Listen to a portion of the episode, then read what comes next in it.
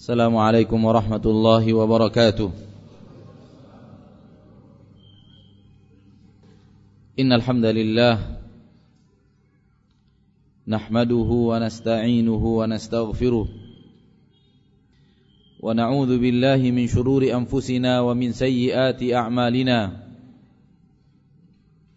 من يهده الله فلا مضل له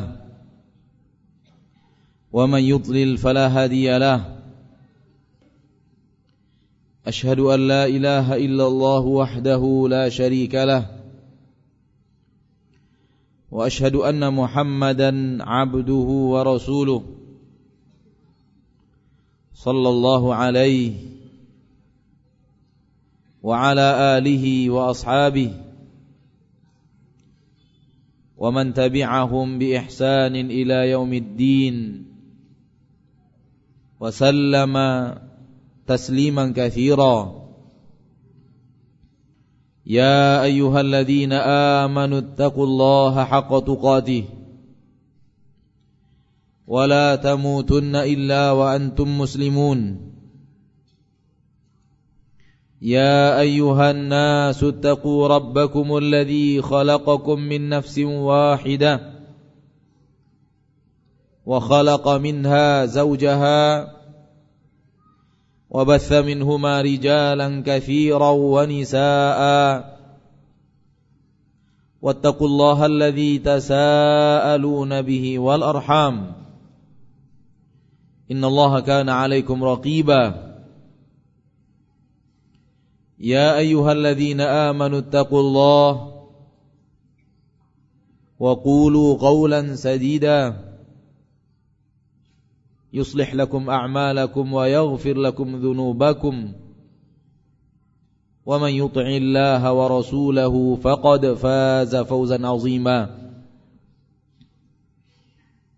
أما بعد فإن أصدق الحديث كتاب الله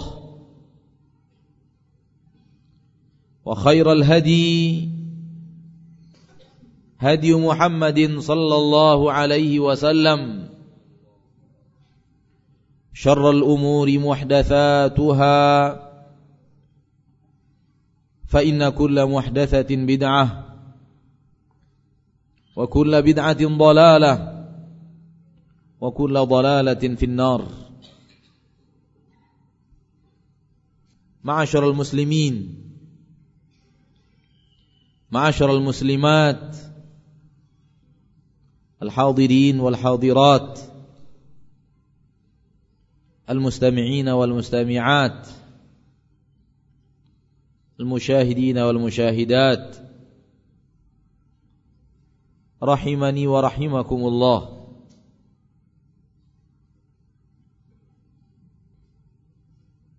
Allah tabaraka wa taala yang wajib untuk dipuja dan dipuji secara mutlak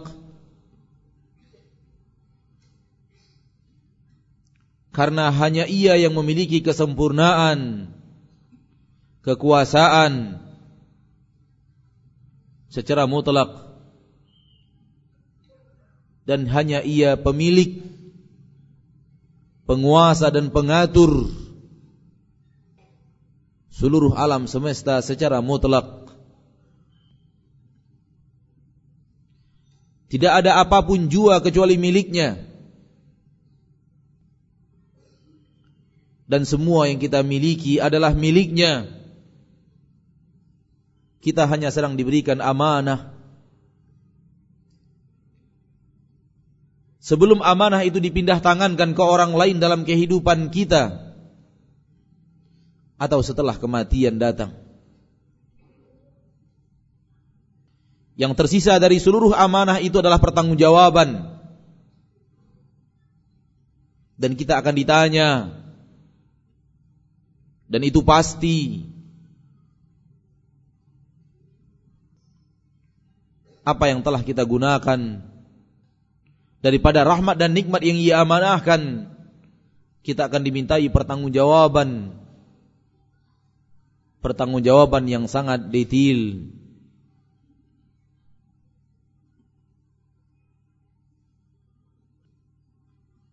Salawat dan salam kepada Nabi kita tercinta Rasul kita yang mulia Muhammad bin Abdullah. Salawatu Rabbi wa salamuhu alaih. Yang telah memberikan kepada kita Bimbingan dan teladan Agar kelak Di saat Allah tabaraka wa ta'ala meminta pertanggungjawaban kepada kita kita bisa selamat dalam masa pertanggungjawaban itu.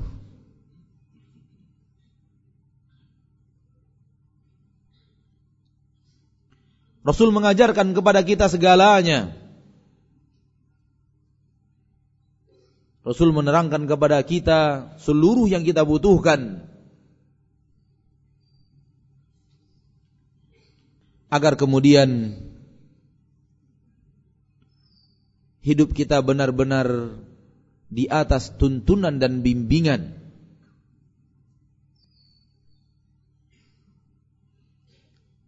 Beruntunglah manusia-manusia yang hidup benar-benar menjadikan Rasulullah sallallahu alaihi wasallam sebagai suri tauladan. Benar-benar menjadikan Rasulullah sallallahu alaihi wasallam sebagai panutan di dalam setiap gerak-gerik kehidupannya.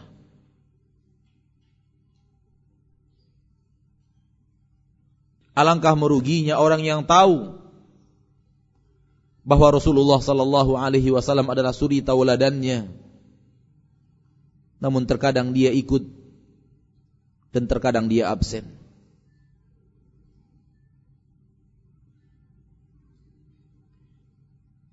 Dan saat-saat dia absen itu Itulah masa-masa kritis di akhirat yang akan ia pikirkan, yang akan ia pertanggungjawabkan di saat Allah akan menanya dan itu pasti. Celakalah, binasalah orang-orang yang ingkar kepada manusia yang diutus sebagai suri tauladan kepada mereka. Dan hidup untuk melakukan perlawanan terhadap seruan dakwah suri tauladan tersebut. Salawatu Rabbi wa salamuhu alaihi. Maka pastikan diri Anda ada di mana. Sebelum Anda ingin berubah ke arah yang lebih baik namun sudah tidak mampu untuk melakukannya. Apakah Anda termasuk orang-orang yang benar-benar menjadikan Rasulullah sallallahu alaihi wasallam sebagai suri tauladan?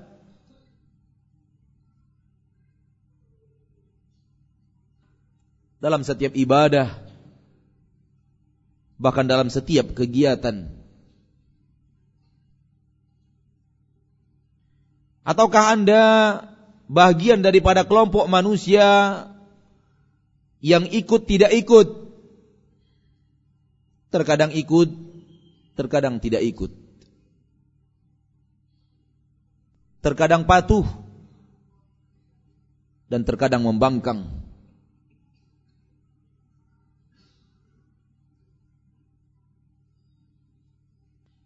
Ataukah Anda adalah orang-orang yang benar-benar menjadi penghalang dakwah Rasulullah sallallahu alaihi wasallam dan manusia-manusia yang mendakwahkan dakwah beliau.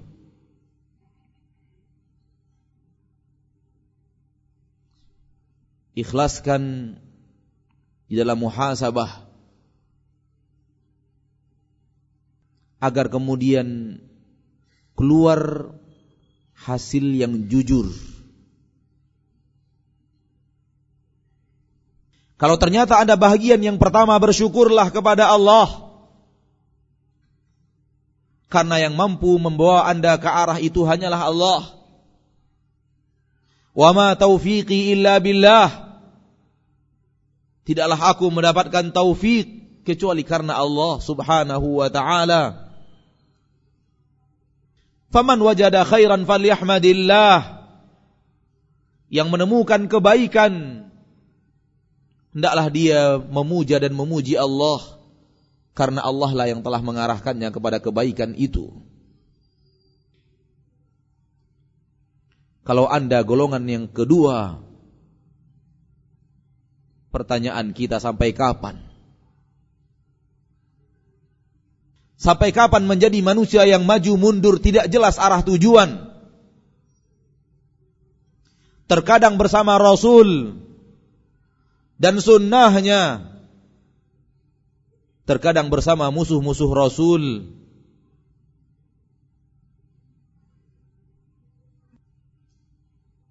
Terkadang mengatakan sami'na dan terkadang mengatakan asaina. Sampai kapan?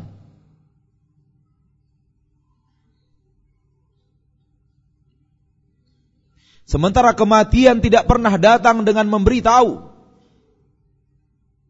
dan tidak pernah datang dengan mengetuk pintu.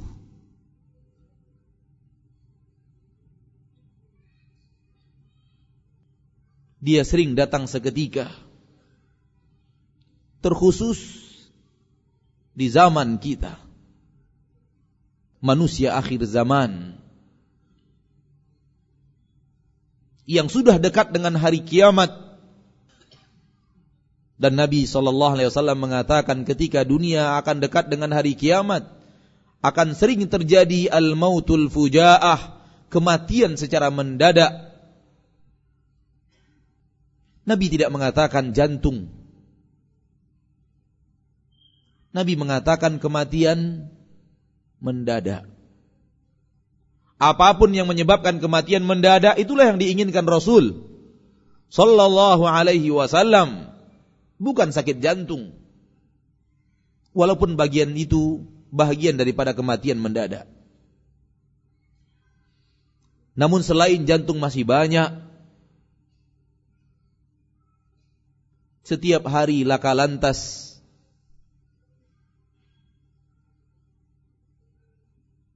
terjadi kecelakaan di sana sini. Membuat manusia meregang nyawa seketika.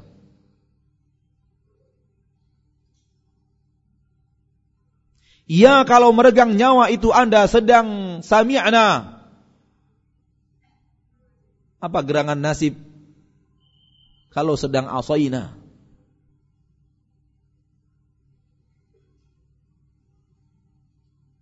maka pekerjaan maju mundur ikut tidak ikut bukanlah kebaikan.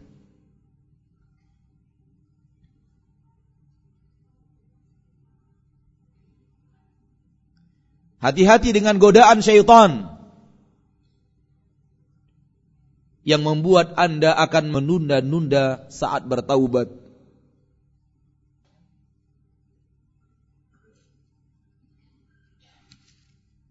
Karena Allah menyuruh Anda untuk menyegerakannya.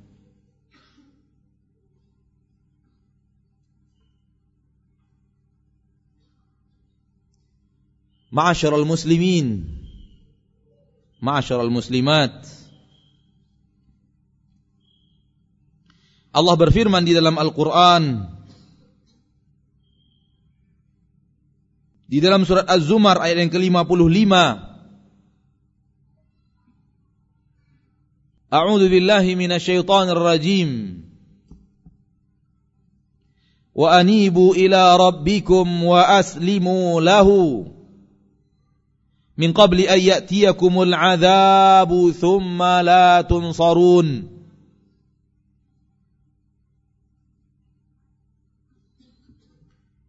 Dan kembalilah kepada Rob kalian.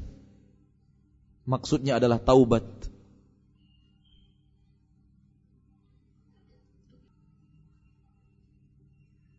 Min qabli an ya'tiyakumul adzab sebelum datang kepada kalian azab thumma la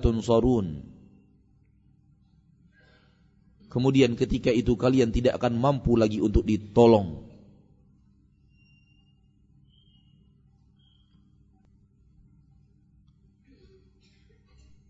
Berkata Imam Ibn Kathir Ay irji'u ilallahi wastaslimu lahu. Kembalilah kepada Allah dan serahkan dirimu seutuhnya kepada Allah.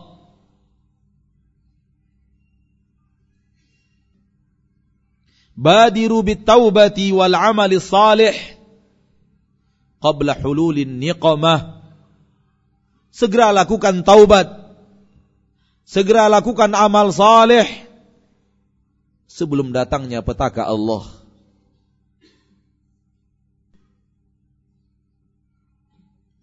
Kita hidup di dunia. Namun bukan untuk di dunia.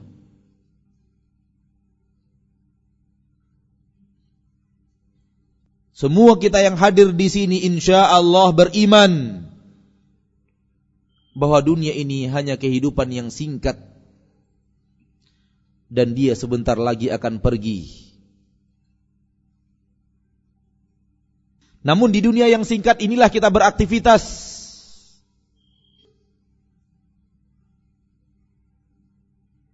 Fa'aba'i'un nafsahu famu'tiquha au mubiquha Semua kita adalah orang yang berdagang dalam kehidupan yang singkat ini. Namun ada orang yang berdagang untuk memerdekakan dirinya. Ada juga yang berdagang untuk membinasakan diri tersebut.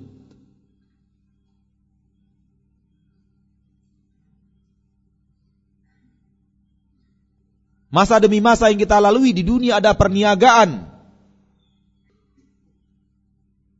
Apakah kita akan jual nikmat-nikmat Allah yang Allah berikan kepada kita untuk dengannya kita membeli surga? Ataukah kita akan jual nikmat-nikmat Allah yang Allah berikan kepada kita di dunia untuk kita beli neraka?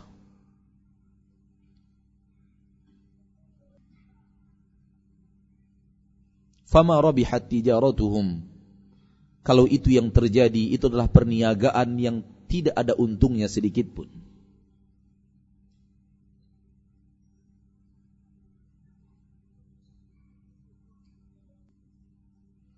Di dalam kehidupan yang singkat inilah kita harus menentukan target kita mau ke mana. Satu jalan ke kanan, dan jalan itu adalah jalan yang akan mengantarkan kita ke surga. Dan satu jalan ke kiri. Dan jalan itu akan mengantarkan kita ke neraka. Pilihlah. Selagi Anda masih mampu untuk memilih. Akan tiba masanya akan tiba saatnya Anda ingin memilih namun tidak akan diberikan kesempatan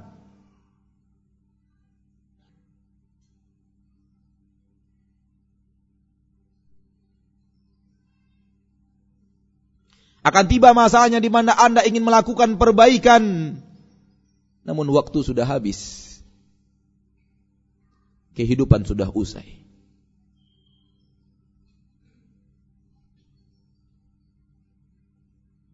Walau tara idil mujrimuna nakisu ru'usihim inda rabbihim.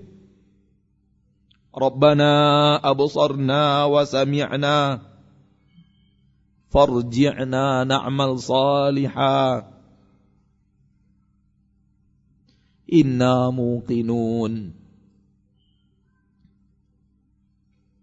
Andai engkau melihat pelaku-pelaku dosa dan maksiat mereka menundukkan kepala mereka yang selama ini congkak dan sombong dan selalu menengadah ke atas hari itu tertunduk inda rabbihim di hadapan Rabb mereka. Mereka pun berkata, Rabbana, wahai Rabb kami, abasarna, kami sudah melihat. Wasami'na, kami telah mendengar. Farji'na na'mal salihah. Kembalikan kami ke dunia, wahai Rabb kami, pasti kami beramal saleh. Permainan sudah usai. Kesempatan sudah tidak ada. Kehidupan sudah berakhir. Dari sekarang Allah sudah beritahu kepada kita, jangan menyesalnya di akhirat.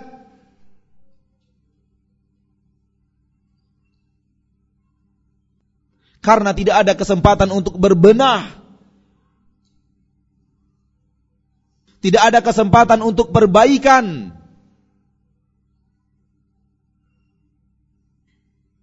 Jangan. Jangan lakukan di akhirat, lakukan di sini. Lakukan di sini selagi masih ada kesempatan. Dan Allah masih membuka pintu taubat.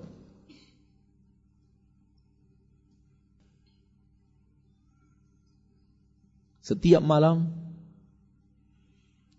Allah menanti kita untuk kembali kepadanya. Setiap siang pintu maafnya dia bukakan selebar-lebarnya. Anda berumur 60 tahun, sudah 60 tahun Allah bukakan pintu itu untuk Anda.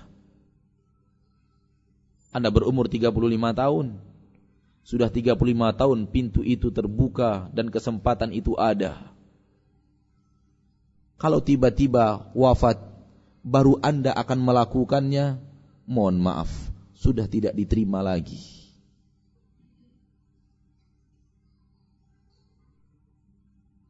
Maka tentukan pilihan, mau ke kanan ke surga atau mau ke kiri ke neraka.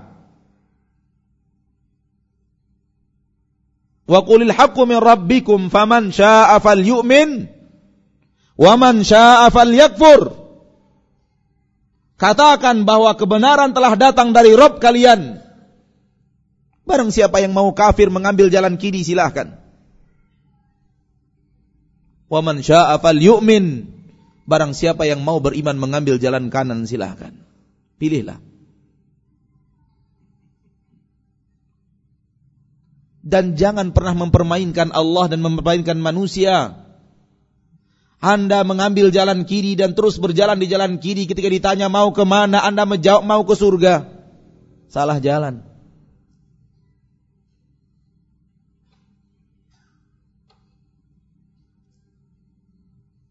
Namun salah jalan yang jelas ini dihiasi oleh syaitan di hati sebahagian manusia sehingga menganggapnya suatu hal yang wajar.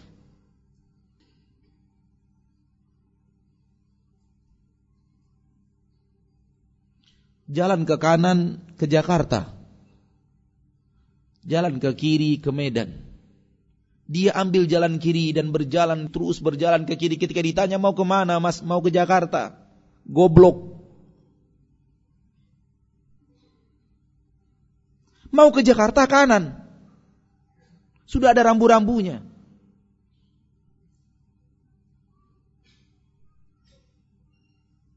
Dan Anda tahu rambu-rambu itu. Memberikan Anda peringatan, wahyu-wahyu Allah turun, ayat-ayat Allah turun dibacakan kepada Anda. Rasul Allah turun membacakan kepada anda aturan-aturan Allah dan anda dengar aturan-aturan itu. Sehingga rambu-rambu itu jelas di hadapan mata. Kemudian anda masih mengambil jalan ke Medan lalu mengatakan ingin ke Jakarta. Apa iya ingin ke Jakarta? Kayaknya tidak. Demikianlah perumpamaan orang-orang yang berjalan di atas maksiat. Setiap hari korupsi, setiap hari mempertontonkan auratnya, setiap hari berdusta, setiap hari mencurangi timbangan, setiap hari melihat aurat-aurat wanita, setiap hari ghibah, setiap hari namimah. Lalu ketika ditanya mau ke mana mas, mau ke surga. Apa iya Anda mau ke surga? Karena jalan yang ada tempuh jalan ke neraka, Mas.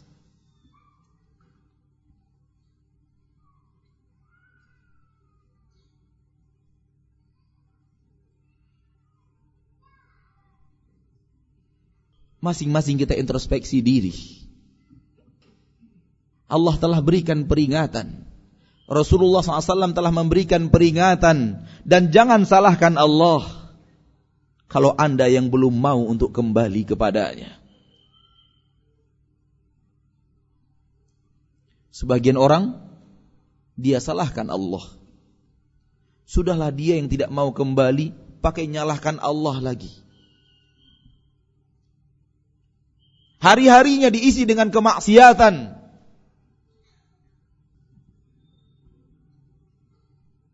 Lalu ketika ditanya kenapa begini, dia mengatakan takdir Allah.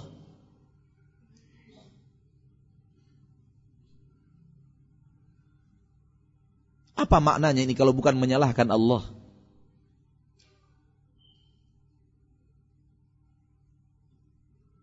Allah tidak pernah menginginkan Anda menjadi pelaku maksiat. Allah tidak pernah menginginkan Anda untuk menjadi penjual-penjual aurat. Allah tidak pernah menginginkan Anda untuk memakan makanan-makanan yang haram walaupun lezat. Bahkan justru sebaliknya. Namun Anda lakukan itu kemudian Anda salahkan Allah. Lempar batu sembunyi tangan. Tuding orang lain agar kita selamat. Ini pekerjaan orang-orang bejat. Kalau itu dilakukan kepada manusia saja sudah bejat, bagaimana kalau Anda lakukan itu kepada Allah?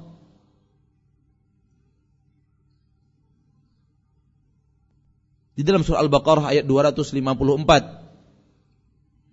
Allah berfirman ya ayyuhalladzina amanu anfiqu mimma razaqnakum Hai orang-orang yang beriman infakkan sebahagian yang telah kami rezekikan kepada kalian. Tidak semuanya sebahagian. Mimma min tab'idiyah. Bermakna sebahagian bukan semuanya. Ats-tsulutsu wa tsulutsu kafir sepertiga itu cukup kata Nabi SAW kepada Sa'ad bin Abi Waqqas bahkan sepertiga itu sudah terlalu banyak untuk diinfakkan padahal saat ingin menginfakkan seluruh hartanya namun Nabi SAW melarangnya. Kemudian dia mengatakan setengah wahai Rasul, setengah saya infakkan, setengah untuk ahli waris. Rasul melarangnya. Lalu saat mengatakan, wasulus, bagaimana kalau sepertiga? Kata Nabi, as-sulus, wasulusu kathir. Sepertiga wahai saat. Sepertiga itu sudah banyak saat.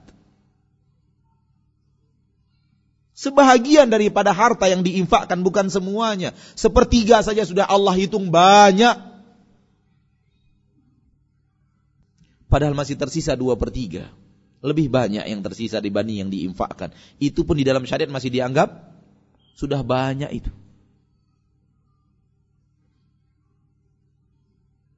Anfiku mimma razaqnakum. Infakkan, infakkan wahai manusia sebahagian dari yang kami telah rezekikan kepada kalian. Kami yang memberi rezeki itu, kami yang menyuruh kalian berinfak. Faham gak? Kami yang memberi kalian rezeki dan kami yang memberi rezeki yang menyuruh kalian infakkan.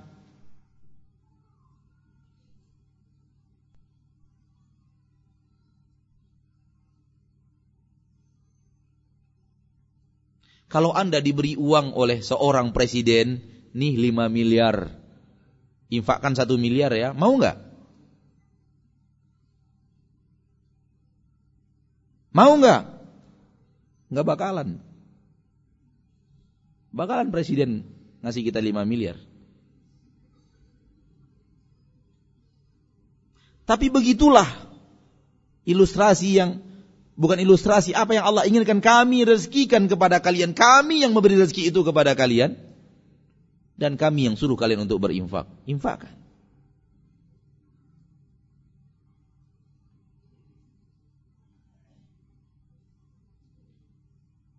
Makanya orang-orang yang tidak menginfakkan infak wajib diancam dengan ancaman berat oleh Allah. Yauma yuhma 'alaiha fi nari jahannam fatukwa biha jibahuhum wa junubuhum wa dhuhuruhum hadza ma kanaztum li anfusikum fadhuqu ma kuntum taknizun. Pada hari di mana harta itu akan dipanaskan oleh Allah di neraka lalu disetrikakan ke bahagian depan, ke bahagian samping dan ke bahagian belakang badan. Sambari dikatakan kepadanya, "Hadza ma kanastum li anfusikum." Ini yang dulu kalian simpan-simpan tidak mau kalian infakkan. Ini dia. Fadhuku ma kuntum taknizun. Rasakan, rasakan simpanan kalian. Anfiqu mimma razaqnakum Infakkan dari sebahagian yang kami rezekikan kepada kalian min qabli an ya'tiya yaumun sebelum datangnya hari. Lihat. Infakkan sekarang kata Allah. Sebelum datang saatnya hari di mana kalian ingin berinfak namun tidak bisa.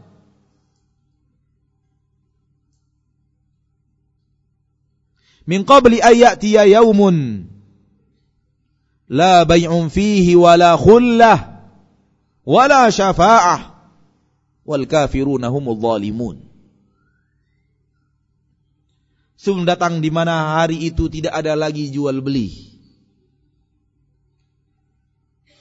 Barter-barteran sudah tidak ada. Jual beli itu apa? Barter. Namun tidak ada lagi kata Allah. Tidak ada barter-barteran di hari itu.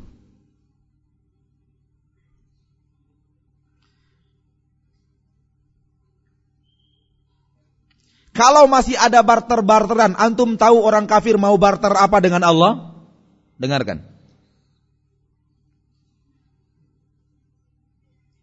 Di dalam surah Al-Ma'arij ayat 11 sampai ayat 14 yubassarunahum yawaddul mujrimu law yaftadi min adhabi yawmi idzin bibani wa sahibatihi wa akhihi wa fasilatihi allati tu'wih wa man fil ardi jami'an thumma yunjih kalla innaha lazah nazza'atan lishawa tad'u man adbara wa tawalla wa jama'a fa'aw'a 11 sampai 17 atau 18 Lihat kalau Allah masih buka barteran lihat pelaku maksiat ingin berbarter dengan apa Kata Allah mereka melihat orang-orang yang mereka cintai di akhirat. Mereka bertemu dengan orang-orang yang mereka cintai bertemu anaknya, bertemu istrinya, bertemu ayahnya, bertemu ibunya, bertemu sanak familinya, bertemu keluarga besarnya, bertemu yubasarunahum, saling melihat. Namun yawaddul mujrimu law yaftadi min adzabi yaumi idzin bibani. Pelaku-pelaku maksiat ingin sekali membarter diri mereka dengan seluruh anak-anaknya. Ya Allah ini anakku yang telah kubesarkan dengan keringatku. Enam orang, masukkan mereka semua ke neraka, selamatkan aku.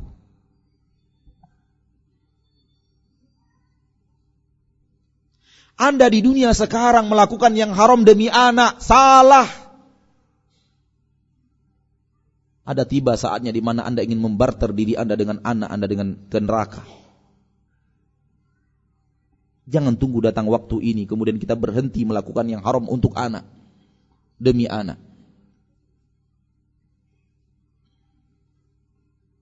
Mayoritas orang tua melakukan yang haram untuk anaknya.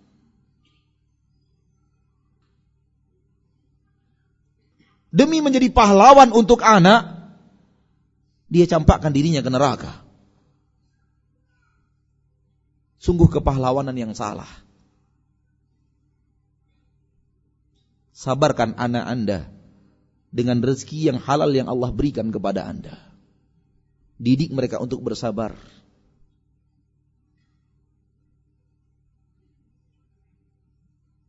Kalau hari ini, pagi ini harus makan dengan nasi dengan kerupuk, sabarkan mereka. Siang nanti harus makan nasi putih hanya dengan satu buah telur, kemudian sisanya adalah kuah. Sabarkan mereka. Sabarkan. Didik mereka untuk sabar. Katakan kepada mereka anakku. Ayah bisa melakukan apa yang dilakukan orang-orang di kantor ayah. Namun ayah tidak ingin ke neraka gara-gara kalian. Toh orang lain makan, kita juga makan. Toh kita makan dan ada orang lain yang tidak makan. Masih syukur ada nasi. Masih syukur ada kuah, ada telur. Syukuri nikmat Allah anakku. Ayah tidak mungkin mencampakkan diri ayah kalian ini ke neraka demi kalian. Tidak mungkin. Anakku Belajar hidup di dunia itu jadi orang miskin sulit memang. Oleh karena itu harus belajar. Jadi orang kaya itu gampang tidak perlu belajar. Namun yakinlah kalau kalian berhasil mendidik diri kalian sabar atas kemiskinan, kalian akan menjadi manusia-manusia tangguh. Tidak ada orang yang berhasil di permukaan bumi ini tanpa perjuangan keras. Dan dicabar kesabaran mereka untuk berhadapan dengan saat-saat sulit. Maka sabarlah anakku. Ayahmu akan berusaha untuk menambah rezeki dengan izin Allah. Menjadi tukang angkat di pasar. Kalau memang itu yang harus kalian inginkan. Ayahmu akan menjadi pedagang keliling. Walau harus mengorbankan masa istirahat dan tidurnya di malam hari. Namun untuk melakukan yang haram kemudian kalian mendapatkan kenikmatan tidak.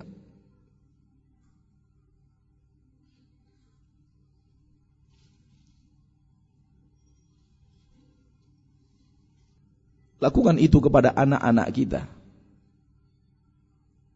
sebelum datang saatnya di mana kita ingin membarter anak kita dengan kita ke neraka.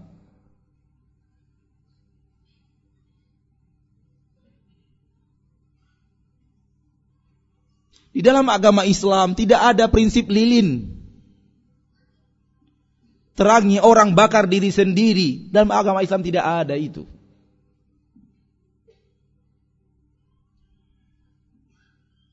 yang ada di dalam agama Islam. Ajak orang lain ke surga. Dan sebelum orang yang Anda ajak ke surga itu masuk surga, Anda sudah masuk surga duluan.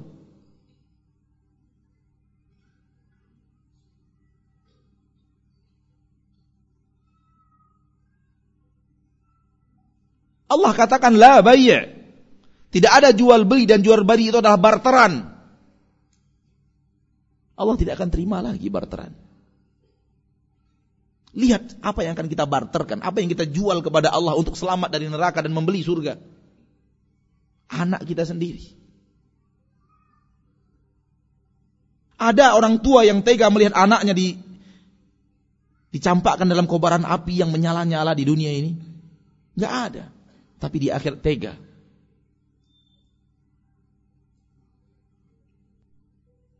Dia akan tega di akhir. darah dagingnya, pautan hatinya, motor semangat penggerak. Namun di akhirat berbeda. Dia rela untuk mencampakkan anak-anaknya itu ke dalam kobaran api neraka. Dan belum ada apa-apanya api dunia ini dibanding api neraka. Agar dia selamat. Cukup dengan anak tidak. Wasahibatihi wa akhih. Istrinya dan saudara-saudaranya. Ini dia istriku ya Allah. Masukkan dia ke neraka. Panggang dia di nerakamu. Yang penting selamatkan saya.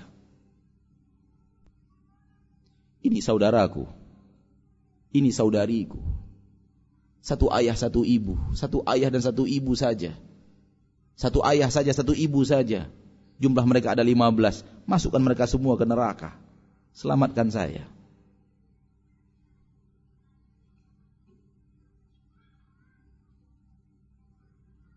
Wa fasilatihi allati tu'wi. Keluarga besar. Keluarga besar. Ya Allah masukkan mereka semua ke neraka. Selamatkan saya. Wa man fil ardi jami'an. Semua manusia yang ada di bumi. Masukkan mereka semua ke neraka. Yang penting saya selamat. Penyesalan tanpa batas. Diterima oleh Allah? Kalla. Sekali-kali tidak. Innaha ladha yang ada adalah kobaran api yang menyala-nyala. Yang ada adalah lava, kobaran api yang sangat panas. Nazza'atan lisyawa. Memisah antara daging dan tulang. Dalam sebagian tafsir ayat ini. Daging anda akan meleleh. Terkena api itu. Tersisa adalah tulangnya saja. Tad'u man adbara wa tawalla dan selalu akan memanggil-manggil orang yang lari dan berpaling. Masih mau lari dan berpaling?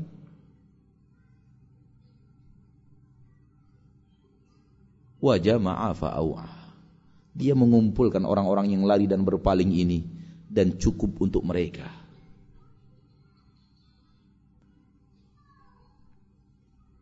La bay' Pada hari itu tidak ada jual beli, habis.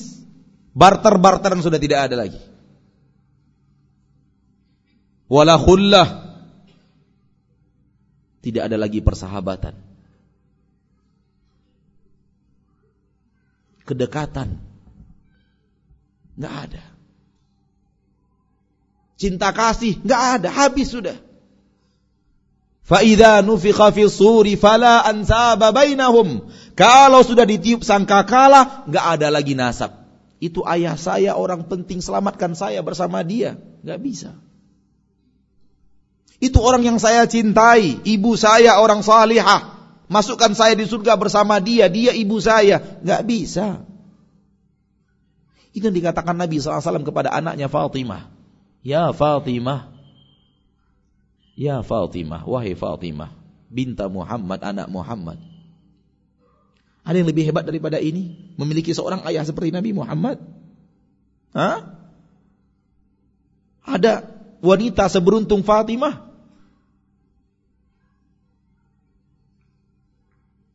Ayahnya Nabi dan Rasul, manusia terbaik di permukaan bumi.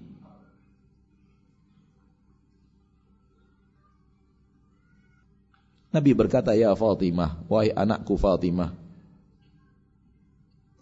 Salini min mali ma syi'ti. Kalau ingin minta hartaku di dunia, minta terserah engkau minta berapa. La ughni anki minallahi syai'a. Di akhirat aku tidak bisa menolong apa pun untukmu di sisi Allah.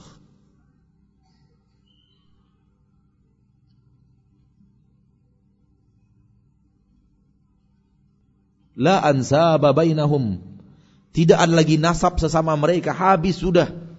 Nasab antara Nabi dan Fatimah putus. Pertanggungjawaban masing-masing.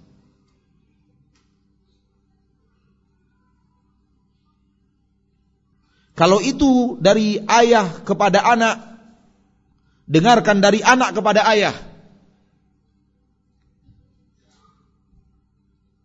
Kalau yang tadi Fatimah adalah anak yang paling beruntung mendapatkan ayah. Sekarang ayah yang paling beruntung mendapatkan anak. Di dalam Al-Quran surah Al-Mumtahanah. Allah bercerita. Perkataan Nabi Ibrahim kepada ayahnya. Azar. La astaghfiranna laka Wa ma amliku laka minallahi min syai. Aku tidak akan mendapatkan untuk memberikan apa pun kepadamu nanti di sisi Allah. Kalau sudah datang hari kiamat, aku tidak bisa berbuat apa-apa. Walaupun di dunia ini aku adalah kekasih Allah. Dan di akhirat aku adalah kekasih Allah. Namun kalau sudah tiba masanya, tidak lagi nasab di antara kita. Saya mempertanggungjawabkan diri saya masing-masing, ayah anda akan mempertanggungjawabkan diri ayah anda masing-masing. Masing-masing kita sibuk dengan urusan kita masing-masing. Tidak ada orang tua seberuntung Azar. Punya anak, seorang nabi dan rasul. Tidak ada yang seberuntung Azar kecuali Abdullah dan Aminah beruntung punya anak namun tidak bermanfaat di akhirat dengan kekafiran azar.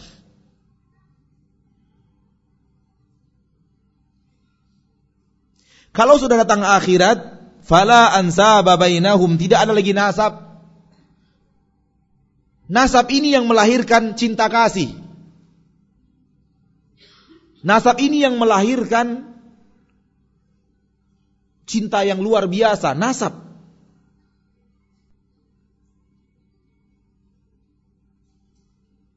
Kita dengan istri bisa bertengkar dan bercerai. Namun dengan anak tidak pernah bisa. Karena anak talinya adalah nasab.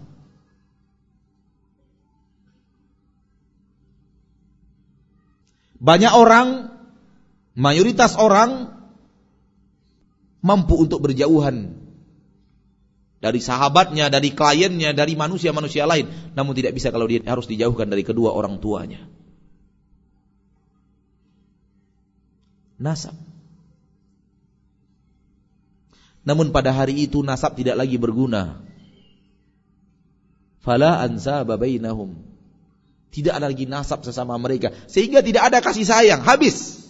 Karena nasab sudah diputus oleh Allah, pertanggungjawaban masing-masing, nafsi nafsi.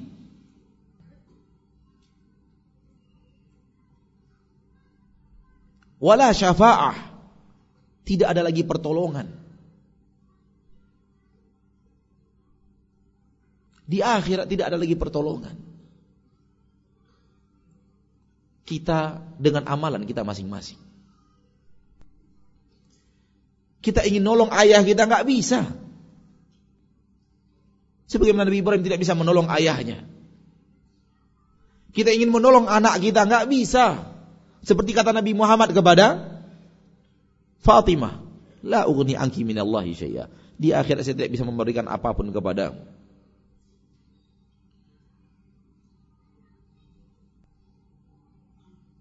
Kecuali satu hal. Manakala Allah mengizinkan kita untuk memberikan syafaat. Kepada orang yang Allah pilih untuk kita berikan syafaat. Dua. Allah izinkan kita memberikan syafaat. Allah pilihkan siapa orang yang akan kita berikan syafaat. Itu satu-satunya yang ada di akhirat Saya takut ketika kita mengatakan tadi antum mengira tidak ada syafaat di akhirat. Sehingga kita memiliki akidah yang batil. Ada syafaat di akhirat. Namun Allah yang memilihkan, mengizinkan kita melakukan dan Allah yang pilihkan siapa yang akan kita berikan. Maka kembali seluruh syafaat kepada siapa? Kepada Allah bukan kepada kemauan kita. Kalau kepada kemauan kita, kita akan pilih anak kita. Kita akan pilih istri kita. Kita akan pilih orang tua kita. Sementara di akhir sudah Allah katakan tidak ada nasab.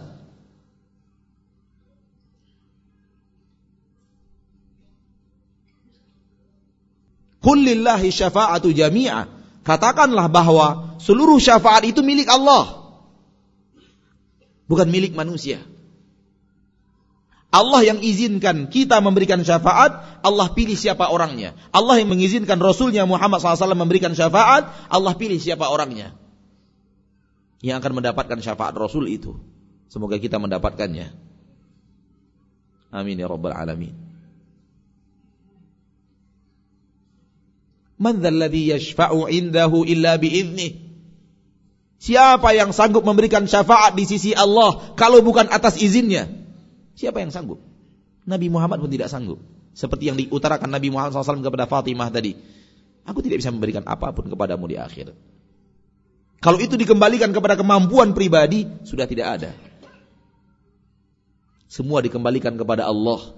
Ilaihi yurja'ul amru kulluh. Kepada Allah seluruh perkara akan dikembalikan pada hari itu.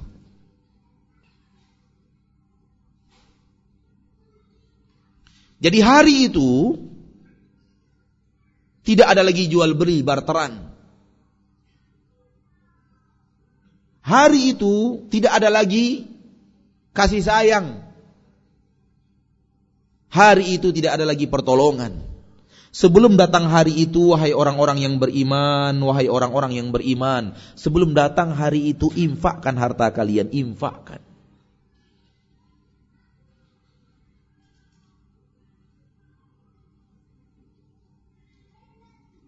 Usulan ana pada pagi hari yang berbahagia ini masing-masing kita hari ini setelah pulang dari masjid ini hitung berapa hartanya yang ada. Infakkan dua setengah persen. Untuk mengamalkan ayat ini yang kita pelajari di majlis ini pada kesempatan yang berbahagia ini. Bukan zakat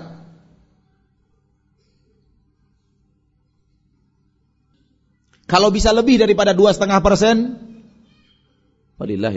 minnah. Kalau ada yang bisa sampai lima persen, alhamdulillah. Ada yang bisa sampai sepuluh persen, alhamdulillah. Ustadz harta saya sedikit, sama kok. Karena yang diinfakkan sesuai dengan jumlahnya hanya dua setengah persen. Kalau harta anda di rumah cuma ada lima juta, ya dua setengah persen dari lima juta. Kalau uang Anda ada 5 miliar, 2,5 persen dari 5 miliar. Hasil akhirnya sama. Masih tersisa 97,5 persen. Ini keadilan.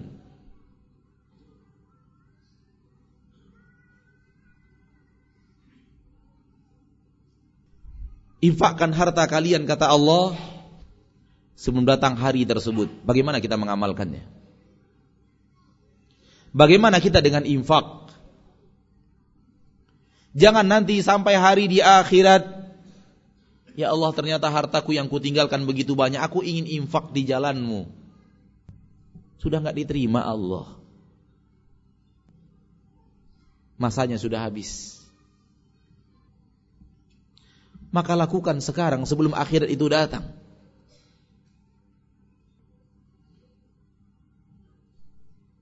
Jadilah orang-orang yang rajin untuk berinfak. Orang Arab punya istilah yang berbeda tentang infak dengan orang Indonesia. Orang Arab punya istilah yang berbeda. Saya menggunakan istilah Arab, jangan bukan istilah Indonesia. Mohon maaf, jangan sampai salah. Orang Arab punya istilah, orang yang rajin berinfak itu panjang tangan. Orang yang panjang tangan disebut oleh orang Arab itu artinya orang yang rajin berinfak. Kita punya istilah yang berbeda. Jadi kalau saya katakan panjangkan tangan Anda bukan artinya mencuri. Namun artinya rajin untuk men memberi. Sehingga tangan Anda ada pada orang fakir, tangan Anda ada pada seorang janda, tangan Anda ada pada anak yatim, tangan Anda ada pada orang-orang yang tidak mampu, tangan Anda ada pada orang-orang yang sakit. Sehingga tangan Anda panjang.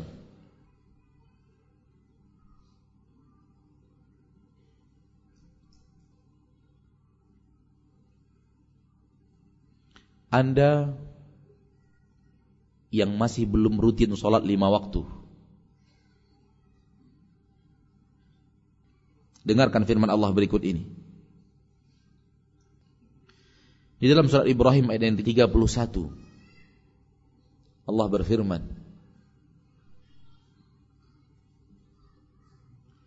Wa qul li'ibadil ladzina amanu yuqimus salata wa yunfiqu mimma razaqnahum sirran wa alaniyah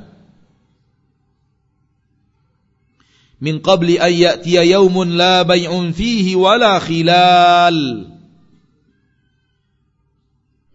Katakan kepada hamba-hambaku orang-orang yang beriman hendaklah mereka mendirikan salat.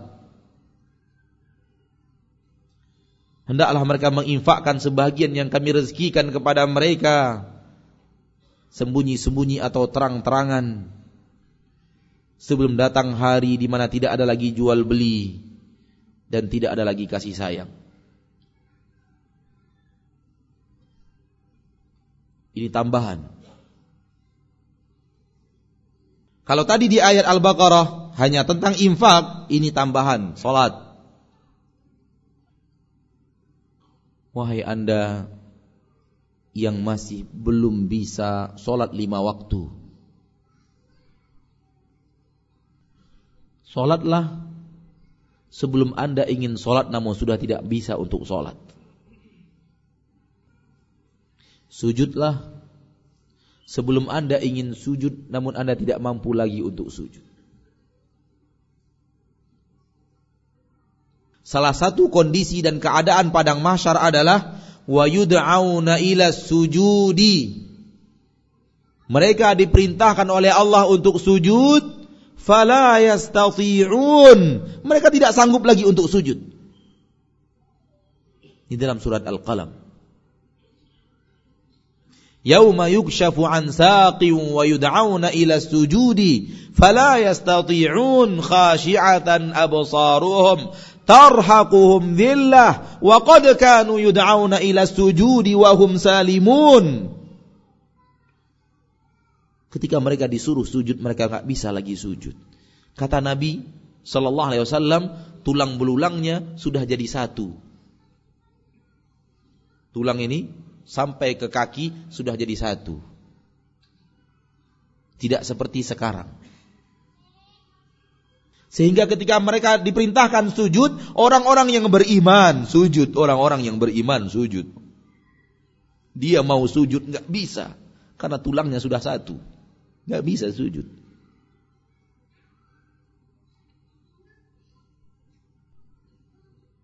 Yauma yud'auna ila sujudi fala yastati'un. Pada hari itu mereka diperintahkan untuk sujud, mereka mau sujud, mau. Namun mereka nggak bisa lagi khasyiatan absaruhum akhirnya mata mereka tertunduk tarhaquhum dhillah mereka diliputi oleh kehinaan yang sangat dahsyat di saat mereka tidak bisa sujud terasa hina yang sangat hina di akhirat. Di sini dia tidak sujud dia ketawa-ketawa. Lihat orang yang sujud dia cibirkan. Ada tanggal mainnya. Sabar.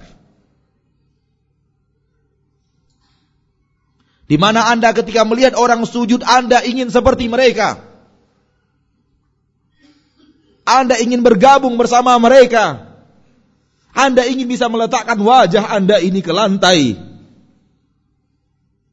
Yang itu adalah hal yang gampang yang akan Anda lakukan di permukaan bumi kalau Anda mau. Namun kesombonganlah, keangkuhan,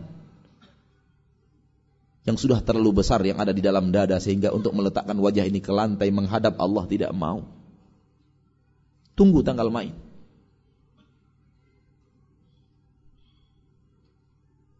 Khasyiatan absaruhum. Pandangan mereka tertunduk, tarhaquhum dhillah. Mereka diliputi oleh rasa hina yang sangat dahsyat. Waqad kanu yud'auna ila sujudi wa hum salimun. Sebelum ini mereka diperintahkan untuk sujud dalam keadaan sehat walafiat dan selamat. Tapi enggak mau.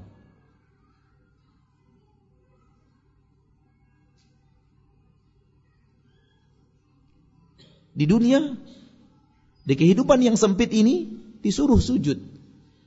Dan masih selamat, tulang belulangnya masih terangkai seperti tulang belulangnya orang yang sujud. Allah menyusun tulang kita seperti ini supaya kita bisa sujud. Dan itu ibadah yang paling hebat. Di antara ibadah-ibadah yang paling hebat. Oleh karena itu sering disebut oleh Allah di dalam Al-Quran. Wasjud, wasjud, waqtarib. Dekatkan dirimu kepada Allah, sujud, sujud, dekatkan dirimu kepada Allah.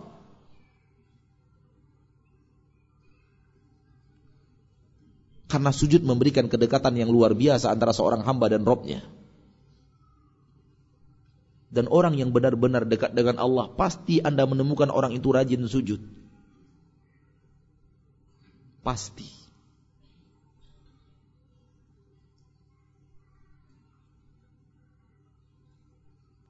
Karena sujud itu adalah kedekatan spesial. Ya akhi rasakan, ya akhi rasakan, ya ukhti rasakan. Ketika anda sujud itu, rasakan. Benar-benar lezat.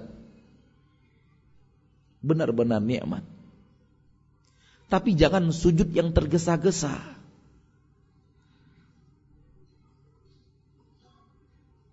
Bagikan sujud orang maling yang sedang dikejar masa. Patuk ayam. Anda tidak akan merasakan lezatnya sujud. Bahkan sujud itu bagi Anda adalah beban dalam hidup. Coba praktekkan nanti. Dalam sholat-sholat sunat. Panjangkan sujud. Panjangkan sujud. Mengharapkan kedekatan kepada Allah. Anda akan merasakan nikmatnya sujud. Sembari Anda keluarkan suara lirih, suara yang sangat kecil. Rabbi ufirli, Rabbi ufirli, Rabbku, ampuni diriku. Rabbku, ampuni diriku. Suara yang lirih. Seolah-olah Allah itu ada di dekat kita. Persis di depan kita. Sehingga kita tidak perlu mengeluarkan suara yang besar agar dia mendengarnya.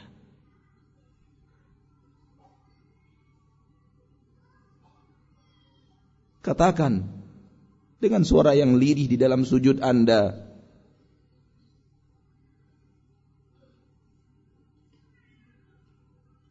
La ilaha illa anta subhanaka inni kuntu minal zalimin.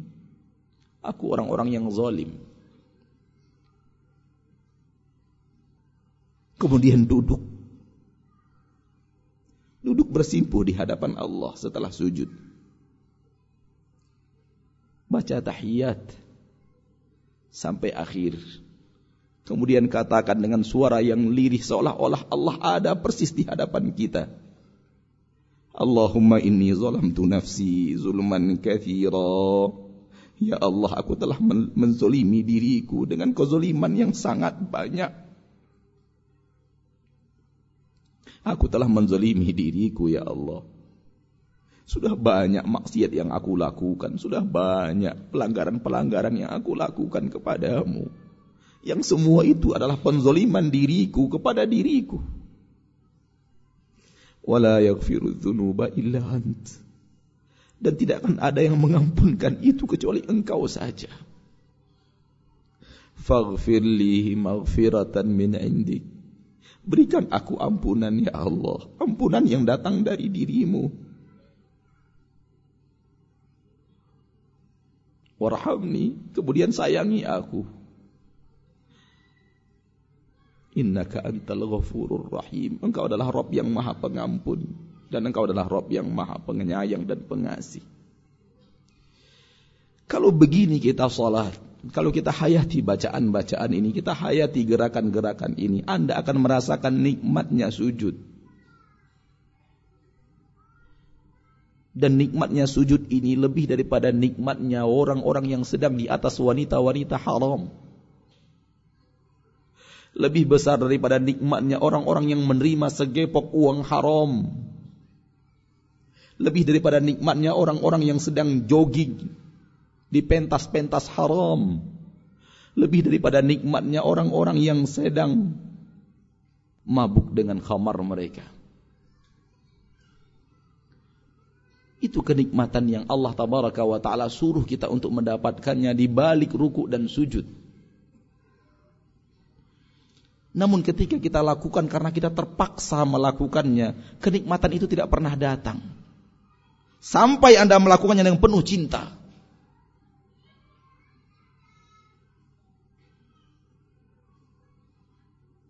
Kalau Anda melakukan dengan penuh terpaksa, hanya untuk sekedar menggugurkan kewajiban salat, yakinlah tidak akan pernah berhasil. Sampai Anda didik hati Anda, Anda didik jiwa Anda, saya benar-benar ingin sedang minta ampun kepada Allah. Saya ingin benar-benar berdiskusi, bermunajat kepada Allah. Lihatlah wajah kita yang kita letakkan di lantai. Posisi pengagungan yang sangat hebat. Dengan suara lirih seolah-olah Allah ada di depan kita. Bersimpuhlah. Simpuhnya seorang hamba. Kemudian akui dosa dan kesalahan kita kepada Allah. Sebelum kita mengakuinya dan tidak ada kesempatan dan kenikmatan dan tidak ada keuntungan dalam pengakuan. Kita nanti akan mengaku dosa kita. Kita akan akui.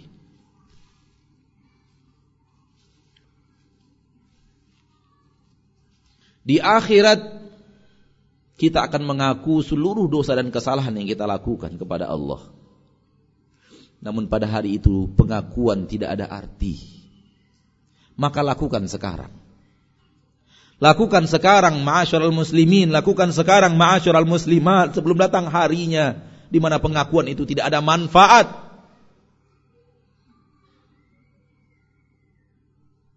Yauma idzin tu'radun pada hari itu kalian akan dihadapkan kepada Allah. Pada hari itu kalian akan dihadapkan kepada Allah. La takfa minkum khafiyah. Tak ada satu apa pun yang tersembunyi yang bisa kalian sembunyikan kepada Allah. Kalian akan akui semuanya. Namun pengakuan tiada arti, pengakuan tanpa ada sesuatu yang bermanfaat di balik pengakuan itu. Pengakuan yang bermanfaat di sini, di sini, di dunia, di rumah Anda, di kamar Anda. Itu pengakuan yang bermanfaat. Lakukan sekarang. Lakukan sekarang sebelum datang masanya di mana Anda mengaku. Namun Anda tidak akan pernah mendapatkan penghargaan dari pengakuan itu.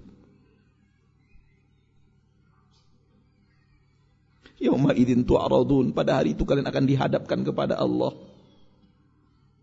Hanya Anda dan Allah akan berbicara langsung. Yang lain mendengar. La takhfa minkum khafiyah. Tak ada satu pun yang bisa kalian sembunyikan ketika itu. Di dunia ini, kita juga tidak bisa menyembunyikannya dari Allah. Cuman hanya setan yang membungkus-bungkusnya. Seolah-olah Allah tidak lihat. Itu setan punya kerjaan. Iblis dan bala tentaranya yang punya kerjaan. Allah lihat kok semuanya.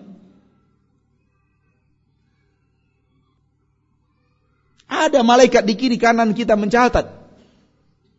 Bukan tidak ada orang. Ada orang. Bahkan orang-orang mulia sedang bersama kita. Para malaikat yang tidak pernah berdosa. Dan lebih daripada itu, zat yang maha mulia Allah sedang bersama kita. Namun apa hendak dikata? Syahwat telah menguasai hati. Keinginan untuk punya harta walau dari jalan yang haram telah membuat mata itu buta. Dan mata yang kita maksud adalah mata yang ada di dalam dada.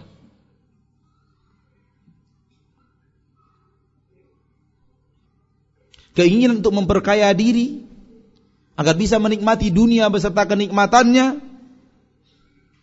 sudah membuat kita orang yang mabuk sehingga tidak kenal diri sendiri dan tidak tahu apa yang bermanfaat untuk diri sendiri dan apa yang akan mencelakakan dan binasakan diri sendiri.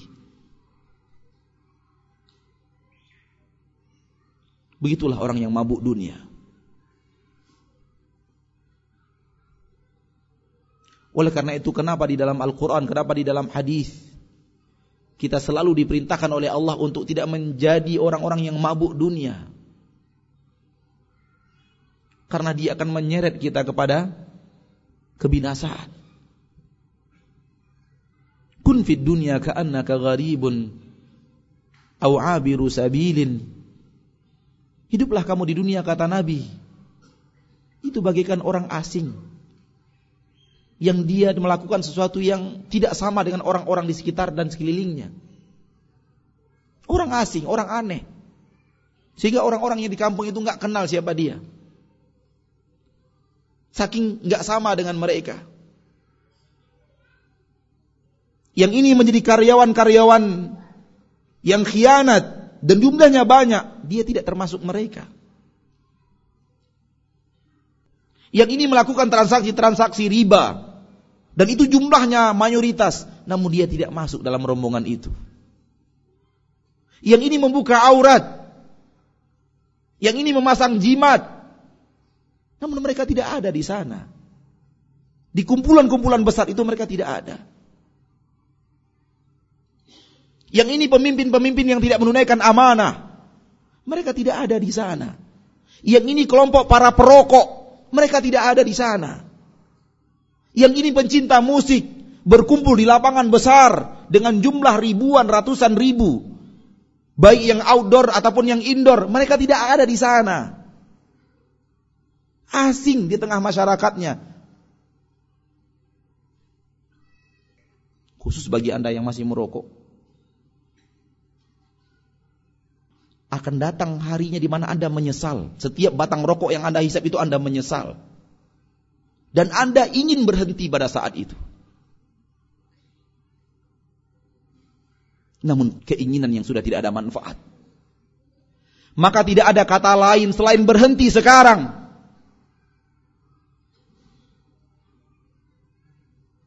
Berhenti sekarang. Sebelum Anda menyesal di akhirat dan Anda ingin berhenti baru di akhirat dan tidak ada kesempatan untuk perbaikan itu. Anda kira Allah tidak melihat Anda ketika menyalakan api untuk mengisap rokok itu. Dengannya Anda rusak paru-paru yang Allah berikan kepada Anda sehat. Dengannya Anda rusak cuaca. Pekan baru sudah asap begini masih ditambah oleh asap para perokok. Anda rusak manusia-manusia di sekitar Anda. Karena mereka perokok pasif lebih berbahaya daripada Anda perokok aktif. Anda rusak rasa malu Anda sendiri kepada manusia.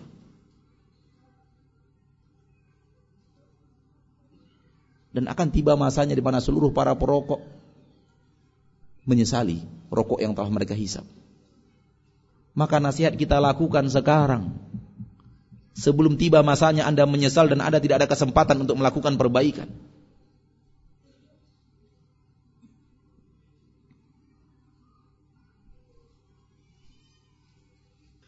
di akhirat Anda akan berdiri di hadapan Allah. Sebelum tiba masa berdiri itu, lakukan latihan di dunia. Latihan berdiri menghadap Allah, yaitu salat. Orang-orang yang kakinya dia letihkan di dunia untuk berdiri di hadapan Allah, Orang-orang yang berdiri di dunia dia panjangkan berdirinya sehingga dia merasakan letihnya berdiri itu itulah kaki-kaki yang akan kuat di akhirat.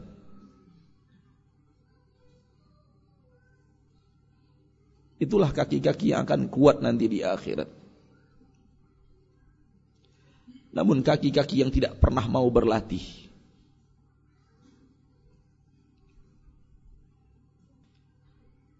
Itu kaki-kaki yang akan nanti berdiri lemah di hadapan Allah. Sampai di sini yang bisa kita sampaikan dalam kesempatan yang berbahagia ini semoga bermanfaat. Dan semoga Allah tabaraka wa taala Rabbul Izzati wal Jalalah wa Rabbul Jabaruti wal Malakuti wal Kibriyai wal Azamah membukakan pintu hati kita untuk masuknya peringatan-peringatan Allah ke dalam hati itu. Fadakir innama anta mudzakkir lasta alaihim bimusaitir man tawalla wa kafar fayu'adzibuhu Allahul 'adzabal akbar inna ilaina iyabahum thumma inna alaina hisabahum berikan peringatan wahai Rasul Berikan peringatan wahai orang-orang yang mengikuti Rasul Innama anta mudzakkir. Engkau hanya tugas. Tugasmu hanya memberikan peringatan. Lasta alaihim bimusaitir. Engkau tidak bisa menguasai mereka sehingga harus tunduk dan patuh seperti apa yang kamu sampaikan kepada mereka tidak bisa. Illa man tawalla wa kafar. Orang yang berpaling dari peringatan dan ingkar kepada peringatan itu. Fayu'adzibuhu al-'adzab al-akbar. Pasti Robnya akan mengadabnya dengan adab yang sangat besar. Inna ilaina iyabahum kepada kami semua mereka akan dikembalikan. Thumma inna alaina hisabahum. Kemudian kami yang akan menghisap semua mereka. Sebelum datang masa berhisap itu, lakukan di dunia. Sebelum datang masa berhisap itu, lakukan di di dunia. Sallallahu wasallam wa baraka wa an'am ala abdihi wa rasulihi Muhammad. Walhamdulillahi rabbil alamin. Saya hari ini hari pertama menghadiri kajian sunnah. Mohon doa dan nasihatnya Ustadz agar saya lebih baik lagi. Nasihat saya kepada anda adalah tidak ada kata terlambat. Dan saya doakan anda untuk bisa lebih dulu ke garis finish dibanding kami.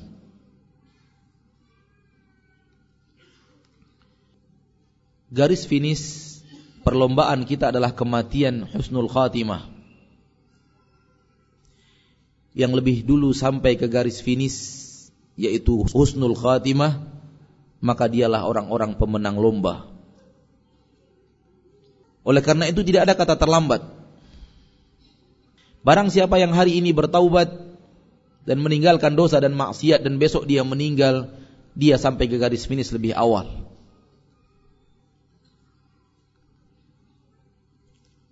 Dan orang-orang yang masih hidup belum tentu dia akan sampai ke garis finish. Belum tentu orang-orang yang hidup ini dapat kepastian untuk husnul khatimah. Oleh karena itu jangan sampai setan berhasil masuk ke dalam hati Anda dan mengatakan Anda terlambat. Sudahlah, orang sudah terlalu jauh berjalan. Berlari pun Anda tidak akan sanggup Anda mengejar mereka. Sudahlah, Kun kama kunt. Jadi yang biasa-biasa saja seperti semula-semula. Jangan. Katakan kepada syaitan, saya sudah masuk dalam perlombaan. Dan saya ingin sampai ke garis finish lebih awal. Dan garis finishnya adalah adalah husnul khatimah. Itu garis finishnya. Yang rajin beramal saleh, rajin beramal saleh, rajin beramal saleh di depan manusia sehingga manusia melihat mereka adalah orang-orang yang saleh. Namun di belakang dia sembunyikan kemaksiatannya kepada manusia dia berlaga jadi orang saleh kepada Allah dia pertontonkan siapa dia yang sebenarnya. Sehingga manusia hanya mengira kesolehan yang ada pada dirinya karena mereka tidak tahu kemaksiatan yang dia lakukan secara diam-diam. Inilah jenis manusia yang kata Nabi sallallahu alaihi wasallam, "Inna ahadakum la ya'malu bi amali ahli jannah hatta ma yakuna bainaha wa bainahu illa dhira'." Fayasbiqu alaihi alkitab wa ya'malu bi amali ahli an-nari fayadkhuluha. Sebahagian kalian beramal dengan amalan-amalan ahli surga. Seolah-olah surga itu antara dia dan surga hanyalah satu hasta. Namun ketetapan Allah sudah jelas siapa Anda sebenarnya. Dan itu akan ada di akhir kehidupan Anda. Anda akan beramal dengan amalan ahli neraka. Kemudian Allah wafatkan Anda di atas amalan tersebut. Lalu Anda masuk neraka. Maka orang soleh yang Anda anggap soleh belum tentu yang Anda anggap soleh belum tentu soleh dan belum tentu akan husnul khatimah. Semoga saja iya. Semoga saja iya. Tapi pasti tidak ada.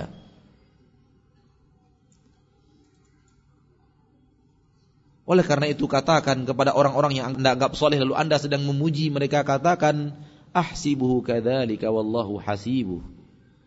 Aku mengetahuinya seperti itu. Namun yang lebih tahu tentang dia adalah Allah.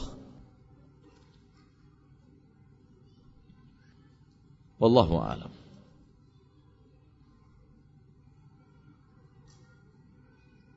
Saya pernah berbuat maksiat yang sudah terlalu banyak kepada manusia. Maling, korupsi, menipu, ribah, dan lain-lain.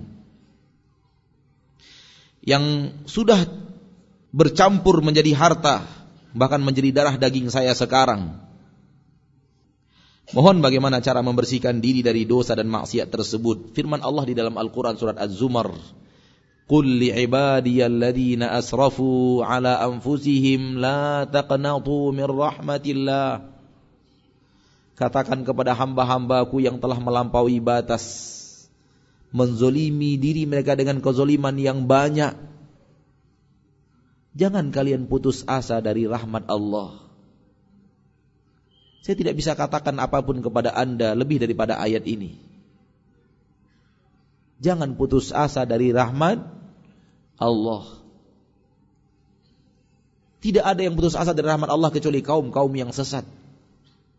Dan anda yakin anda tidak mau menjadi orang yang sesat. Oleh karena itu jangan putus asa dari rahmat dan kasih sayang Allah. Inna Allah yaghfiru dhunuba jami'an. Allah mengampunkan dosa semuanya. Semuanya. Tahu arti semuanya? Allah mengampunkan dosa semuanya. Innahu huwal ghafurur rahim. Dia maha pengampun. Tak ada yang tidak bisa dia ampuni. Dia maha pengasih. Setelah anda diampuni, Allah akan kasihani anda. Allah akan sayang kepada anda. Dan Allah akan mencurahkan kasih sayangnya kepada anda. Dengan syarat yang tadi. Kembalilah kepada Allah dan jangan putus asa. Nabi bercerita tentang seorang dari Bani Israel.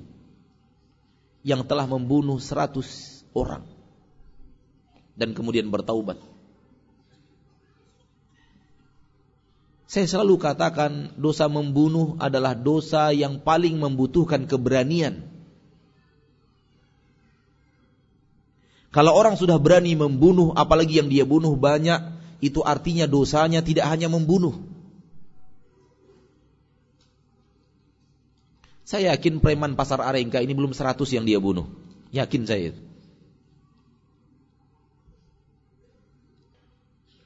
Ini sudah membunuh 100 orang namun dia serius. Namun dia serius ingin taubat. Perlihatkan kepada Allah serius Anda ingin taubat itu.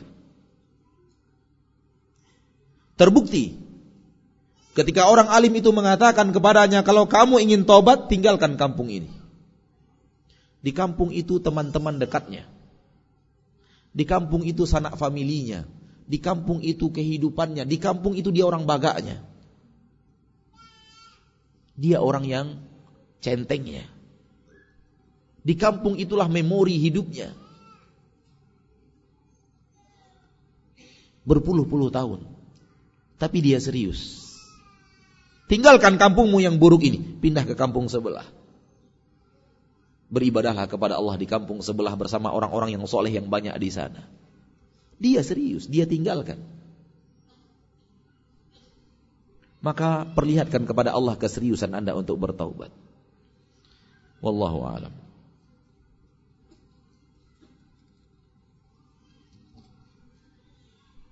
Untuk mencukupi biaya keluarga dan orang tua yang sudah tidak bekerja, saya sering bekerja sampai malam. Kadang sampai tengah malam. Sehingga saya sulit untuk bangun untuk tahajud. Namun sebelum tidur, saya lakukan sholat witir satu atau tiga rakaat. Pertanyaannya adalah, apakah yang saya lakukan ini merupakan tindakan yang berlebihan dalam bekerja?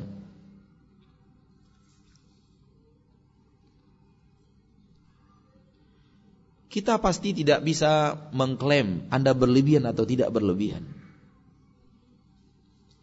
Sampai kita bisa melihat seperti apa sebenarnya hidup Anda itu.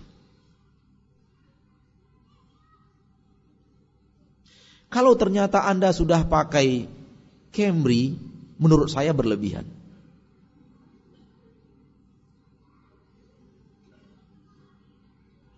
Tapi kalau sampai saat ini bekerja sehebat itu, Anda masih pakai Astuti, Astrea 73, itu tidak berlebihan.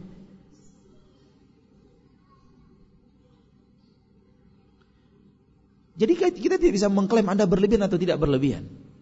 Sampai kita lihat seperti apa hidup Anda. Antum kira orang kaya itu bisa istirahat mereka bangun, bangun, bangun. Kayaknya aja masuk rumah, Pak. Kamarnya itu kantor. Kerja terus sampai malam. Padahal sawitnya sudah 5000 hektar. Masih kerja di malam hari. Berlebihan. Kapan lagi Anda akan menikmati dunia? Kapan lagi Anda akan menikmati istirahat? Jadi mohon maaf kita tidak bisa mengklaim berlebihan atau tidak berlebihan. Namun kalau memang itu baru yang diberikan oleh Allah dan baru pas-pasan. Dan pas-pasan itu pun sulit Pak, karena tidak ada angka. Ada orang yang bagi dia pas-pasan itu satu juta setengah. Ada orang bagi dia pas-pasan itu satu miliar setengah. Jadi nggak ada angka pas-pasan itu, sulit untuk mengatakan pas-pasan itu sebenarnya. Tergantung bagaimana kita menajah hati dan menata hati. Ada orang yang mengatakan 2 juta setengah itu banyak sudah. Ada orang yang mengatakan 2 miliar setengah itu masih kurang dan masih sedikit. Jadi semuanya kembali ke hati. Bagaimana hati kita melihat harta yang Allah berikan kepada kita sudah cukup apa belum? Kalau kita merasa sudah cukup, bahkan yang ada itu lebih, berarti kita kaya. Walaupun gaji kita hanya 15 juta. Kan gak mesti satu juta setengah kan? Yang penting rasa cukup. Yang penting apa? Rasa cukup. Soal berapa rasa cukup, berapa kita dapat, yang penting ada rasa cukupnya, itu biarkan Allah yang mengatur. Dan kita tidak disuruh memilih yang sedikit. Karena di dalam fitrah kita kita di, telah difitrahkan suka yang suka yang banyak. Yang penting ada rasa cukup. Sehingga tidak perlu lagi nyantol sana, nyantol sini untuk mencari yang haram. Tambahan. Walau dari hasil yang haram. Yang membuat orang melakukan yang haram itu karena dia merasa tidak apa? Tidak cukup. Sehingga rampas sana, rampas sini, tipu sana, tipu sini. Gugat sana, gugat sini, yang penting menang. Itu orang miskin itu. Walaupun sawitnya 100 ribu hektar. Miskin. Karena dia tidak pernah merasa cukup. Manusia-manusia haus dan serakah. Itu orang miskin. Adapun orang yang makan dengan sepiring nasi putih, ada telur mata sapi di atasnya, kemudian satu tempe, dan dia merasakan ya Allah banyak sekali rezeki yang kau berikan kepada aku. Aku masih biarkan satu piring, rice cooker masih ada sisanya. Itu orang kaya itu. Itu orang kaya itu. Jadi sulit juga menakar pas itu berapa. Maka hiduplah di dunia kaya dalam hati. Soal kaya di tangan atau tidak, biarkan Allah yang ngatur. Yang kita lakukan usaha. Soal kemudian di tangan itu besar atau tidak, biarkan Allah yang ngatur. Yang penting kaya dulu di dalam mana? Di dalam hati. Itu dia kona'ah. Rasa cukup dengan apa yang Allah berikan kepada kita. Ketika Anda sudah qanaah, Anda sudah kaya. Imam Syafi'i berpesan, "Idza ma kunta dza qalbin qanu'in fa wa malikud dunya sawa'u." Kalau kamu sudah punya hati yang qanaah, kamu dan penguasa-penguasa dunia satu level.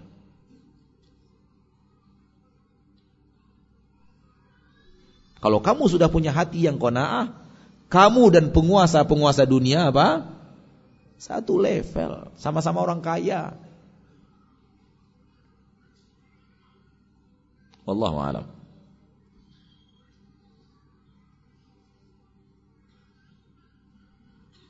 Abu Bakar As-Siddiq berinfak dengan seluruh hartanya sedangkan Rasulullah menganjurkan sepertiga. Salahkah sikap Abu Bakar Ustaz? La ilaha illallah. Saya mau tanya, Abu Bakar lebih berilmu agama dibanding Anda yang bertanya. Coba jawab. Mana yang lebih mengerti ilmu agama, Abu Bakar atau Anda yang bertanya? Abu Bakar, selesai jawabannya. Itulah hebatnya agama Islam. Manusia tidak diletakkan pada satu derajat. Karena memang mereka tidak satu derajat. Ada orang yang sepertiga baginya sudah sangat besar. Karena dia maunya sepertiga puluh. Dan ada orang yang baginya kalau seluruh hartanya diinfakkan masih kurang. Kalau ada yang lain dia infakkan juga yang lain. Itu Abu Bakar. Sementara sepertiga itu kepada Sa'ad bin Abi Waqqas. Nabi tidak meletakkan sahabatnya dalam satu takaran.